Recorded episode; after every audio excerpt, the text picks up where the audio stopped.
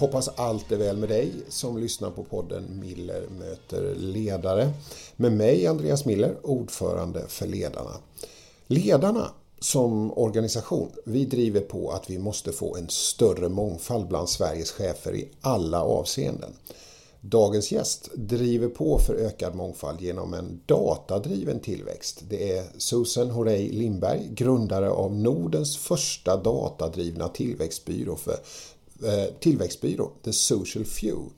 En statistiker och kommunikatör som vill utveckla ett hur i mångfaldsarbetet. Välkommen hit Susan! Tack, tack! Du, eh, vi ska lyssna lite på det, om dig eh, innan vi drar igång samtalet. Här kommer mm. lite fakta om dig. Ja, vad kul! Susan Hörje Lindberg är datanörden som läser rapporter till frukosten. Hon älskar siffror och brinner för mångfald. Hon är dessutom en språkbegåvning med närmare tio språk i bagaget. Susan har ansvarat för affärsutveckling på Bergs och mångfaldsfrågor på Volvo Cars Mobility. Som VD på The Social Few hjälper hon bolag och myndigheter med siffror som visar på värdet av att jobba med mångfaldsfrågor och inkludera fler perspektiv i alla delar av organisationen. När man hör den här beskrivningen av dig så behärskar du väldigt många språk. Hur har det blivit så? Ja, eh, det är väl en kombination av att mina föräldrar kommer från två olika länder. Eh, min pappa är från Syrien och min mamma är från före detta Jugoslavien, från Makedonien mer specifikt. Och hennes familj i sin tur kommer från andra delar av före detta Jugoslavien, Montenegro. Eh, så att där, bara där talar jag lite olika språk. Sen så är jag uppvuxen i Rosengård i Malmö. Eh, och hade det enorma privilegiet att få gå i samma skola som många människor med andra språkkunskaper än mina egna. Eh, och där lärde jag mig massor med språk. Eh, också mycket för att jag lärde ut, jag började ganska tidigt med matteundervisning för mina eh, skolkamrater. Och eh, där jag kommer ifrån, där, där, är det lite grann att man ger och man tar. Och så tillbaka fick jag en massa språk. Så jag lärde ut mat mat matematik och fick tillbaka eh, språkkunskaper. Vilket jag är jätteglad för idag. Men du, hemma, vad pratade ni hemma? Hemma pratade vi mycket det som då kallades serbokroatiska. Eh, men vi pratade ganska mycket arabiska för vi hade ett väldigt rikt socialt liv. Eh, och hade vänner som, eh, ja, det var någon som beskrev som att vår dörr var aldrig stängd basically. Så att vi hade vänner som kom in och ut och det var vänner från olika delar av världen, bland annat då eh, från Syrien och andra delar av eh, menar, arabisktalande vänner. Och där fick jag mycket av min arabiska också. Och det var väldigt viktigt för mig, minns jag, att, och för min pappa, att jag skulle kunna både mammas och pappas språk. Och, och, hur, och, och var fanns svenskan i detta då? Skolan och med mina syskon. Jag pratade nästan uteslutande svenska med mina syskon. Jaha, Jaha. Var, varför Vilket, blev det så? Ja, jag, alltså, det är en jättebra fråga. Eh, jag började i förskola i Sverige, för jag flyttade när jag var fyra. Eh, och ganska tidigt så var jag, märkte mina föräldrar att jag var språkintresserad överlag, att jag hade ganska lätt för mig när det kom till eh, språk. Och ville liksom utöva det nya språket som jag fick lära mig i förskolan. Och kom hem och pratade med min storebror och försökte liksom det. Och det gick ganska bra, det tyckte min bror också var spännande. Så att då utvecklade vi svenskan tillsammans. Eh, även om mina föräldrar tyckte då, minns jag, att eh, nej men hemma kan ni väl prata modersmål, svenska kommer ni ändå lära er i skolan. Eh, vilket i och för sig var sant, men, eh, ja, men det var ju ändå eh, ganska mycket svenska med min bror då, innan min lillebror kom. Mm. Nu är du VD för Social Few och eh, vi ska prata mycket mångfaldsfrågor och kanske är det, är det här är det här som liksom intresset för mångfaldsfrågor väcks? Eller är, mm. det, är det den här bilden som du beskriver nu som är din utgångspunkt? Mm. Ja, absolut. Um, att se, uh, i ganska tidigt skede kunna se vinsten med mångfald, så att säga. Sett ur språk, sett ur de olika perspektiv som det innebar att få med sig de olika språken och kulturer och så vidare. Och sen under ung, ja, vad ska man säga, i tonåren, börja på mm. gymnasiet och inse att nej, men det är inte så uppskattat. Jag upplevde att det var inte uppskattat. Jag, eh, jag började känna av att jag ansågs vara lite annorlunda än mina klasskamrater, för jag hamnade på en ganska så här, elitistisk skola. Jag var ganska duktig i skolan eh, och hamnade då på ett gymnasium med ja, men, rätt elitistiskt på så vis. Och, och, där kunde man se direkt en ganska stor skillnad på mig och dem, tyckte de själva. Eh, och först då började jag gräva lite djupare. Men hur kommer det sig? Vilka mekanismer ligger bakom detta? Och insåg ganska fort, tyvärr, att jag som barn inte såklart har förstått att mina föräldrar har levt i ett utanförskap trots att de är akademiker och talar så många språk som de gör. Mm. Så att jag har ju sett bara det mest fantastiska som finns inom mångfald och det kanske mindre roliga liksom, i hur man bemöter mångfald. Och sett att... Hur, men, ja. ja, får jag fråga dig, där då, där på den där skolan. Vad mm. var det du märkte? Vad var det du såg? Vad var det, vad var det du liksom mm. iakttog eller ja, blev varse?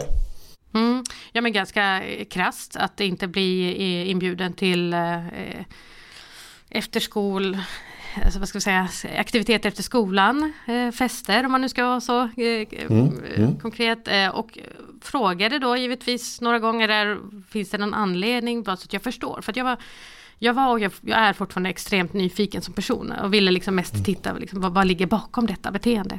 Och fick då tillbaka, ja men du känns inte som en, en av oss. Eh, många gånger. Och till slut så kom det ut att men, jag är från Rosengård och dessutom från Rammelsväg från Rosengård då. Och det är liksom en gata som man anser då är problematisk på olika sätt. Eh, utåt sett. Och de var ju från men Falsterbo, lite Vellinge, lite andra eh, områden omkring. Ehm, och, och, och, det blev ett tydligt vi och dem. Jag var också väldigt eh, unik på så vis att eh, jag hade utländsk bakgrund och eh, ja, det var, det var väldigt tydligt. Så kan man säga. det var liksom, eh, det var, var det klasstillhörighet eller var det, eller var det både klasstillhörighet mm. och etnicitet? Eller vad skulle du säga? Mm. Vad var den viktigaste faktorn där? Jag skulle nog säga etnisk eh, tillhörighet och eh, klass, alltså det beror på hur man ser på det, men i och med att jag kommer från Rosengård så kopplar man ju både klass en viss klass så att säga och etnisk tillhörighet eller en icke etnisk svensk tillhörighet. Mm. Eh, så det var väl en kombination av dessa. Och jag tyckte det var fantastiskt märkligt i och med att mina föräldrar då eh, alltid varit väldigt måna om att jag skulle få en, en, bra utbildning. Eh, mina föräldrar själva är akademiker och hjälpte mig mycket i skolan och så. Och ändå klassades vi, vilket jag, jag då började jag fundera, men hur är det med de unga som inte har föräldrar som kan hjälpa till hemma med skoluppgifter? Hur är det med de unga som inte får det stöd de behöver hemifrån oavsett vilken typ av stöd det är? Eh, och då började mångfalds och inkluderingsfrågan växa hos mig. Och nu är du då VD för Social Few eh, mm. och eh, datadrivet kan man läsa på er hemsida. Och nu, nu måste jag erkänna Susan att mm. när jag går in där så fattar jag inte riktigt vad det innebär. Jag, jag blottar mm. mig lite nu och jag tänker så här, kan du förklara för mig vad är datadrivet? Att, att jobba datadrivet för att öka perspektivtätheten som ni pratar om? Mm. Ja, men eh, tack för att du delar med dig. Ehm, ja, det innebär lite kortfattat att vi tittar på eh, alltså, datat eh, mer än att vi kopplar in känslor i mångfaldsarbetet. Det vill säga att vi kan gå in i en organisation och titta på hur hur bolaget ser ut sett ur vilka perspektiv som är representerade i organisationen. Vilka som saknas och vilka som behövs utifrån de eh, affärsmål man har. Så att vi börjar, om man tittar bara på utifrån ett affärsperspektiv så finns det tydligt behov så att säga av att ha olika perspektiv. För att eh, det finns en tydlig koppling mellan eh, hög perspektivtäthet som vi pratar om och tillväxt och innovationstakt. Men det är den ena delen. Sen självklart ska man jobba med mångfald och inkludering utifrån de också mer självklara aspekter. Vi behöver ju spegla Sverige. Vi behöver, det ska inte finnas liksom en osmot, ett osmotiskt tryck mellan hur verkligheten ser ut ute och bolagets perspektivsammansättning. Det, det är jättetokigt att man knackar på och trycker in men man kommer liksom inte in och det blir ju ja, det blir ju inte rätt eh, ur något perspektiv. Mm. Ja men du där, om vi skulle komma in lite på det, det här med att räkna och kvantifiera då. Eh, ni, ni pratar ju om vilka röster finns i en organisation, på vilka positioner finns de, kommer de till tals, hur ser, mm. hur ser perspektivtätheten ut? Varför, varför är det viktigt för er när ni, när ni pratar? Mm. För oss är det viktigt eh, av många anledningar. Givetvis, vi är ju alla tre, har själv icke-normativa perspektiv, sett ur både etnicitet och, och, andra perspektiv så att säga.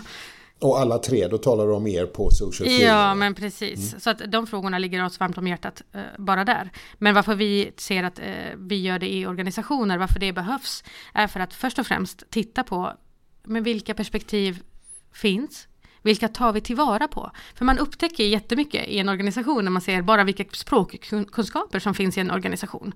Vilka modersmål som finns i en organisation. Och hur kan vi bäst eh, liksom, eh, nyttja det i både liksom affärs, ur affärssynpunkt men också hur vi inkluderar. För det finns ett hur i inkludering. Jag tror det är viktigt att, att ta fram. Mm. Det finns ju de som Eh, jag kan höra röster som säger att de är emot det här och, och, mäta på det här viset och, och, och pinpointa och, och, kvantifiera och sådär. Vad, vad säger du till de kritikerna? Vad svarar du på det? Mm, att det finns en väldigt tydlig koppling mellan de som inte mäter och låg effektivitet i mångfald och inkluderingsarbete. Eh, en väldigt, väldigt tydlig koppling. Eh, jag skulle nog säga att eh, en, en hur säger man det här? Jo, men jag tror att en, en ödmjuk approach i det man inte vet är alltid bra oavsett vad det är. Och att lyssna in skulle jag nog säga eh, också är en bra approach där. Att se hur kommer det sig att jag har den bilden av att man inte ska kvantifiera? Vad beror det på? För allt tyder på att man behöver det. Eh, alla eh, studier för den delen och eh, om man tittar på best practice och good practice, då ser man att men då har man börjat i alla fall arbetet med att mäta för att se var man är. Eh, så jag skulle nog säga att läsa på, att vara lite ödmjuk inför det och inför det man inte vet och kanske nyfikenhet kring, kring att eh, vilja veta mer. Eh, så. Susan och Ray Lindberg, jättekul att du är med i den här podden Millimeterledare. Du, vi, du har ju pratat eh, nu en del om inkluderande ledarskap. Jag tänkte vi skulle komma in lite grann på det och betydelsen av det för att jobba med mångfaldsfrågor eller öka mångfalden i företaget, verksamheten eller organisationen, var man nu är som chef någonstans. Men det jag tänkte vi skulle börja med dig lite. Vad skulle du säga är dina viktigaste egenskaper som ledare? Ja, det är så svårt att, och, tycker jag, att prata om eh, sitt eget ledarskap. Eh, men jag har ju hört mig för, givetvis. Ja. eh, men, du har sökt olika perspektiv. Ja, men precis, på, på mitt perspektiv då. Ja, men men, men eh, jag har fått för, höra att jag är ganska tydlig uh, i, i mitt ledarskap. Att vi jobbar väldigt värderingsdrivet och jag är väldigt, väldigt värderingsdriven, givetvis. Men att det omvandlas i någon form av tydlighet kring vilken riktning vi ska gå och varför. Eh, och jag, jag är inte... Ja, jag tycker det är jättekul och jag är inte däremot jätteförvånad i och med att jag jobbar med siffror. Jag tycker att eh, allt går att förtydliga. Och jag jobbar med att göra siffror tydliga och användbara för många så att säga. Så att jag tycker det är oerhört viktigt att prata liksom mycket mer konkret. Att ta den här fantastiskt stora visionen som är oerhört viktig. Att eh, bryta ner det och, eh, och eh, vara extremt tydlig i vad det innebär i praktiken, i vardagen och så vidare. Mm. Så jag skulle nog säga att det är där. Mm. Tydlighet mm. är, är någonting som du tycker, ja, men som du dels får återkoppling på och som du själv känner är viktigt för dig. Men du, vad är då, om, du har ju nämnt inkluderande ledarskap. Vad, vad är ett inkluderande ledarskap för dig och för Social Few? Mm. Utifrån hur vi pratar kring inkluderande ledarskap så ser vi nyfikenhet som en ganska stor del i ett inkluderande ledarskap så att säga. Um, en, en, nyfiken ledare, en ledare som uh, är ja, men som jag nämnde tidigare, lite ödmjuk inför att man inte vet allt. Eh, och är framförallt eh, villig att vilja lära sig mer. Och veta om att det jag vet idag kanske inte alls är aktuellt om bara ett halvår eller ett år framåt. Eh, och att vara inlyssnande och se till att man tar in de olika perspektiven som finns runt omkring en, oavsett vilka de är. Eh, så att ödmjukhet, nyfikenhet, tydlighet, eh, vänlighet eh, skulle jag säga. Jag tror vänlighet är väl också en, en faktor som eh, vi många gånger, upplever jag i alla fall, eh, underskattar. Jag vet att eh, en liten eh, side-note, jag är mentor själv och har eh, fantastiska personer som jag är mentor för då. Var på en av dem berättade för mig häromdagen att när hon var på sin ledarskapskurs eh, eh, så fick hon tillbaka en feedback på att hon var snäll och vänlig. Hon eh, kände att det var är det allt jag är, sa hon. Är det allt jag är? Är, är, det, är det så människor ser på mig? Är jag inte mer än så? Och att det på något sätt kan kopplas till någon form av svaghet. Och då fick vi, liksom pratade vi igenom det och, och jag ser det givetvis som en enorm styrka, inte minst i den tid vi lever i nu, eh, där vänlighet, att vara snäll, eh, bara en sån faktor, att vara liksom ödmjuk, snäll, nyfiken, den kombinationen gör att man blir en oerhört empatisk ledare och det är precis det vi behöver idag.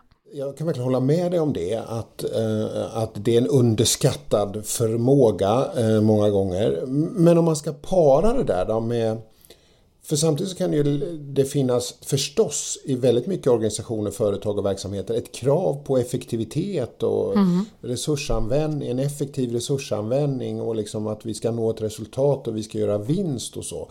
Hur, hur kombinerar man liksom det inkluderande, vänliga, snälla ledarskapet mm. med att också nå målen? Mm.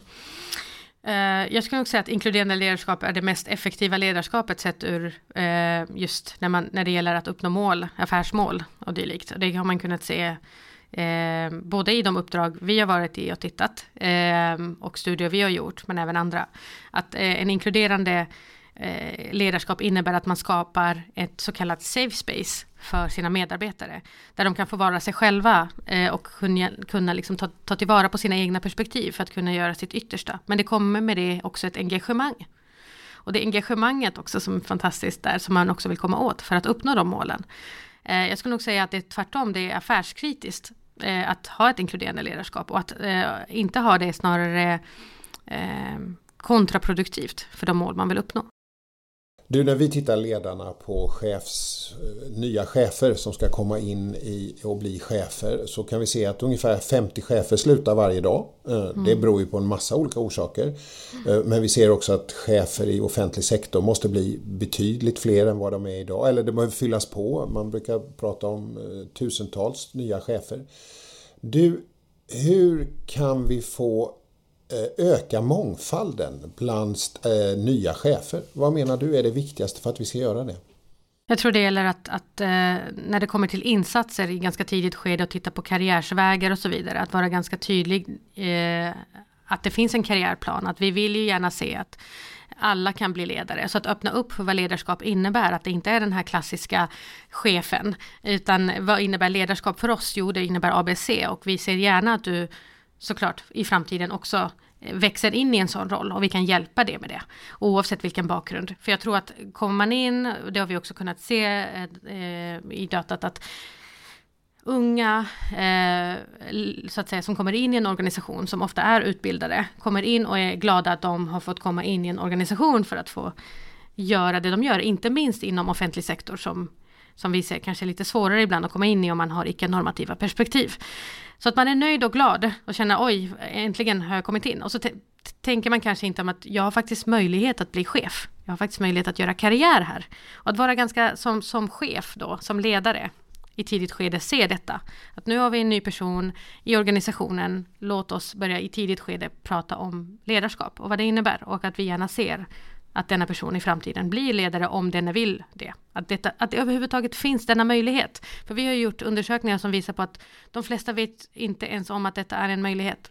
Och vad krävs då av ledarskapet där? Jag tänker att det krävs väl också att man får bättre koll på sina egna fördomar och egna föreställningar.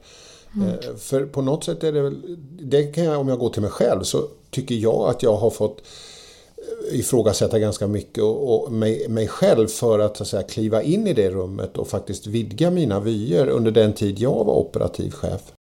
Mm.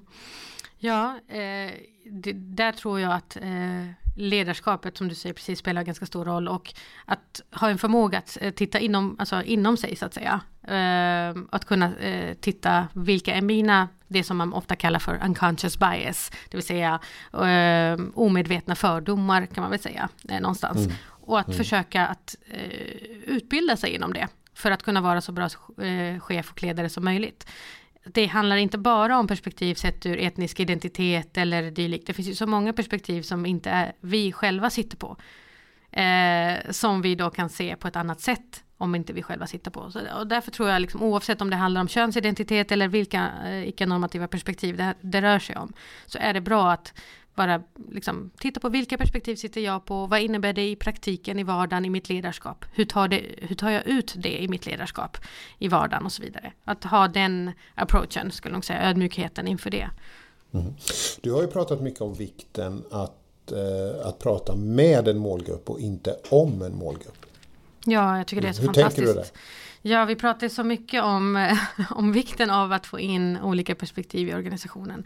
Alltså om, om vi bara tittar externt ifrån så pratar vi om minoritetsgrupper. Vi pratar om hur viktigt det är att inkludera alla i samhället, att inkludera alla, inte minst inom offentlig sektor givetvis, för att det är, en, det är en, ofta en, en demokratisk fråga. Eh, men vi pratar ju så väldigt sällan med människor eh, som bor i vissa områden, som talar vissa språk och så vidare. Och det i sig skapar en diskrepans kring liksom, hur mycket vi vet versus hur mycket vi tar ut i våra beslut. Så att eh, man kan se att besluten inte alltid är anpassade för dem det ska vara anpassat för. Och det gäller även inne i organisationer. Att vi är väldigt måna, ganska högt upp i organisationen, att eh, stå på scen och prata om hur viktigt det är med mångfald. Men vi är inte lika bra på att inkludera dem, det så kallade mångfalden som många refererar till, i arbetet framåt. Det tycker jag är väldigt fascinerande. Och väldigt eh, ineffektivt skulle jag nog säga. Du, eh, under det senaste året har ju Black Lives Matters fått stort genomslag eh, och den, den rörelsen fortsätter ju och, och, eh, och den har även kommit till Sverige, kom ganska snabbt till Sverige. Mm. Och flera organisationer har fått ta emot kritik för att deras engagemang inte är genuint och så. Hur, hur förstår du det här? Såg du det här komma? Kände du på dig att det här skulle bli en stor sak också i Sverige? Eller vad tänker du? Mm.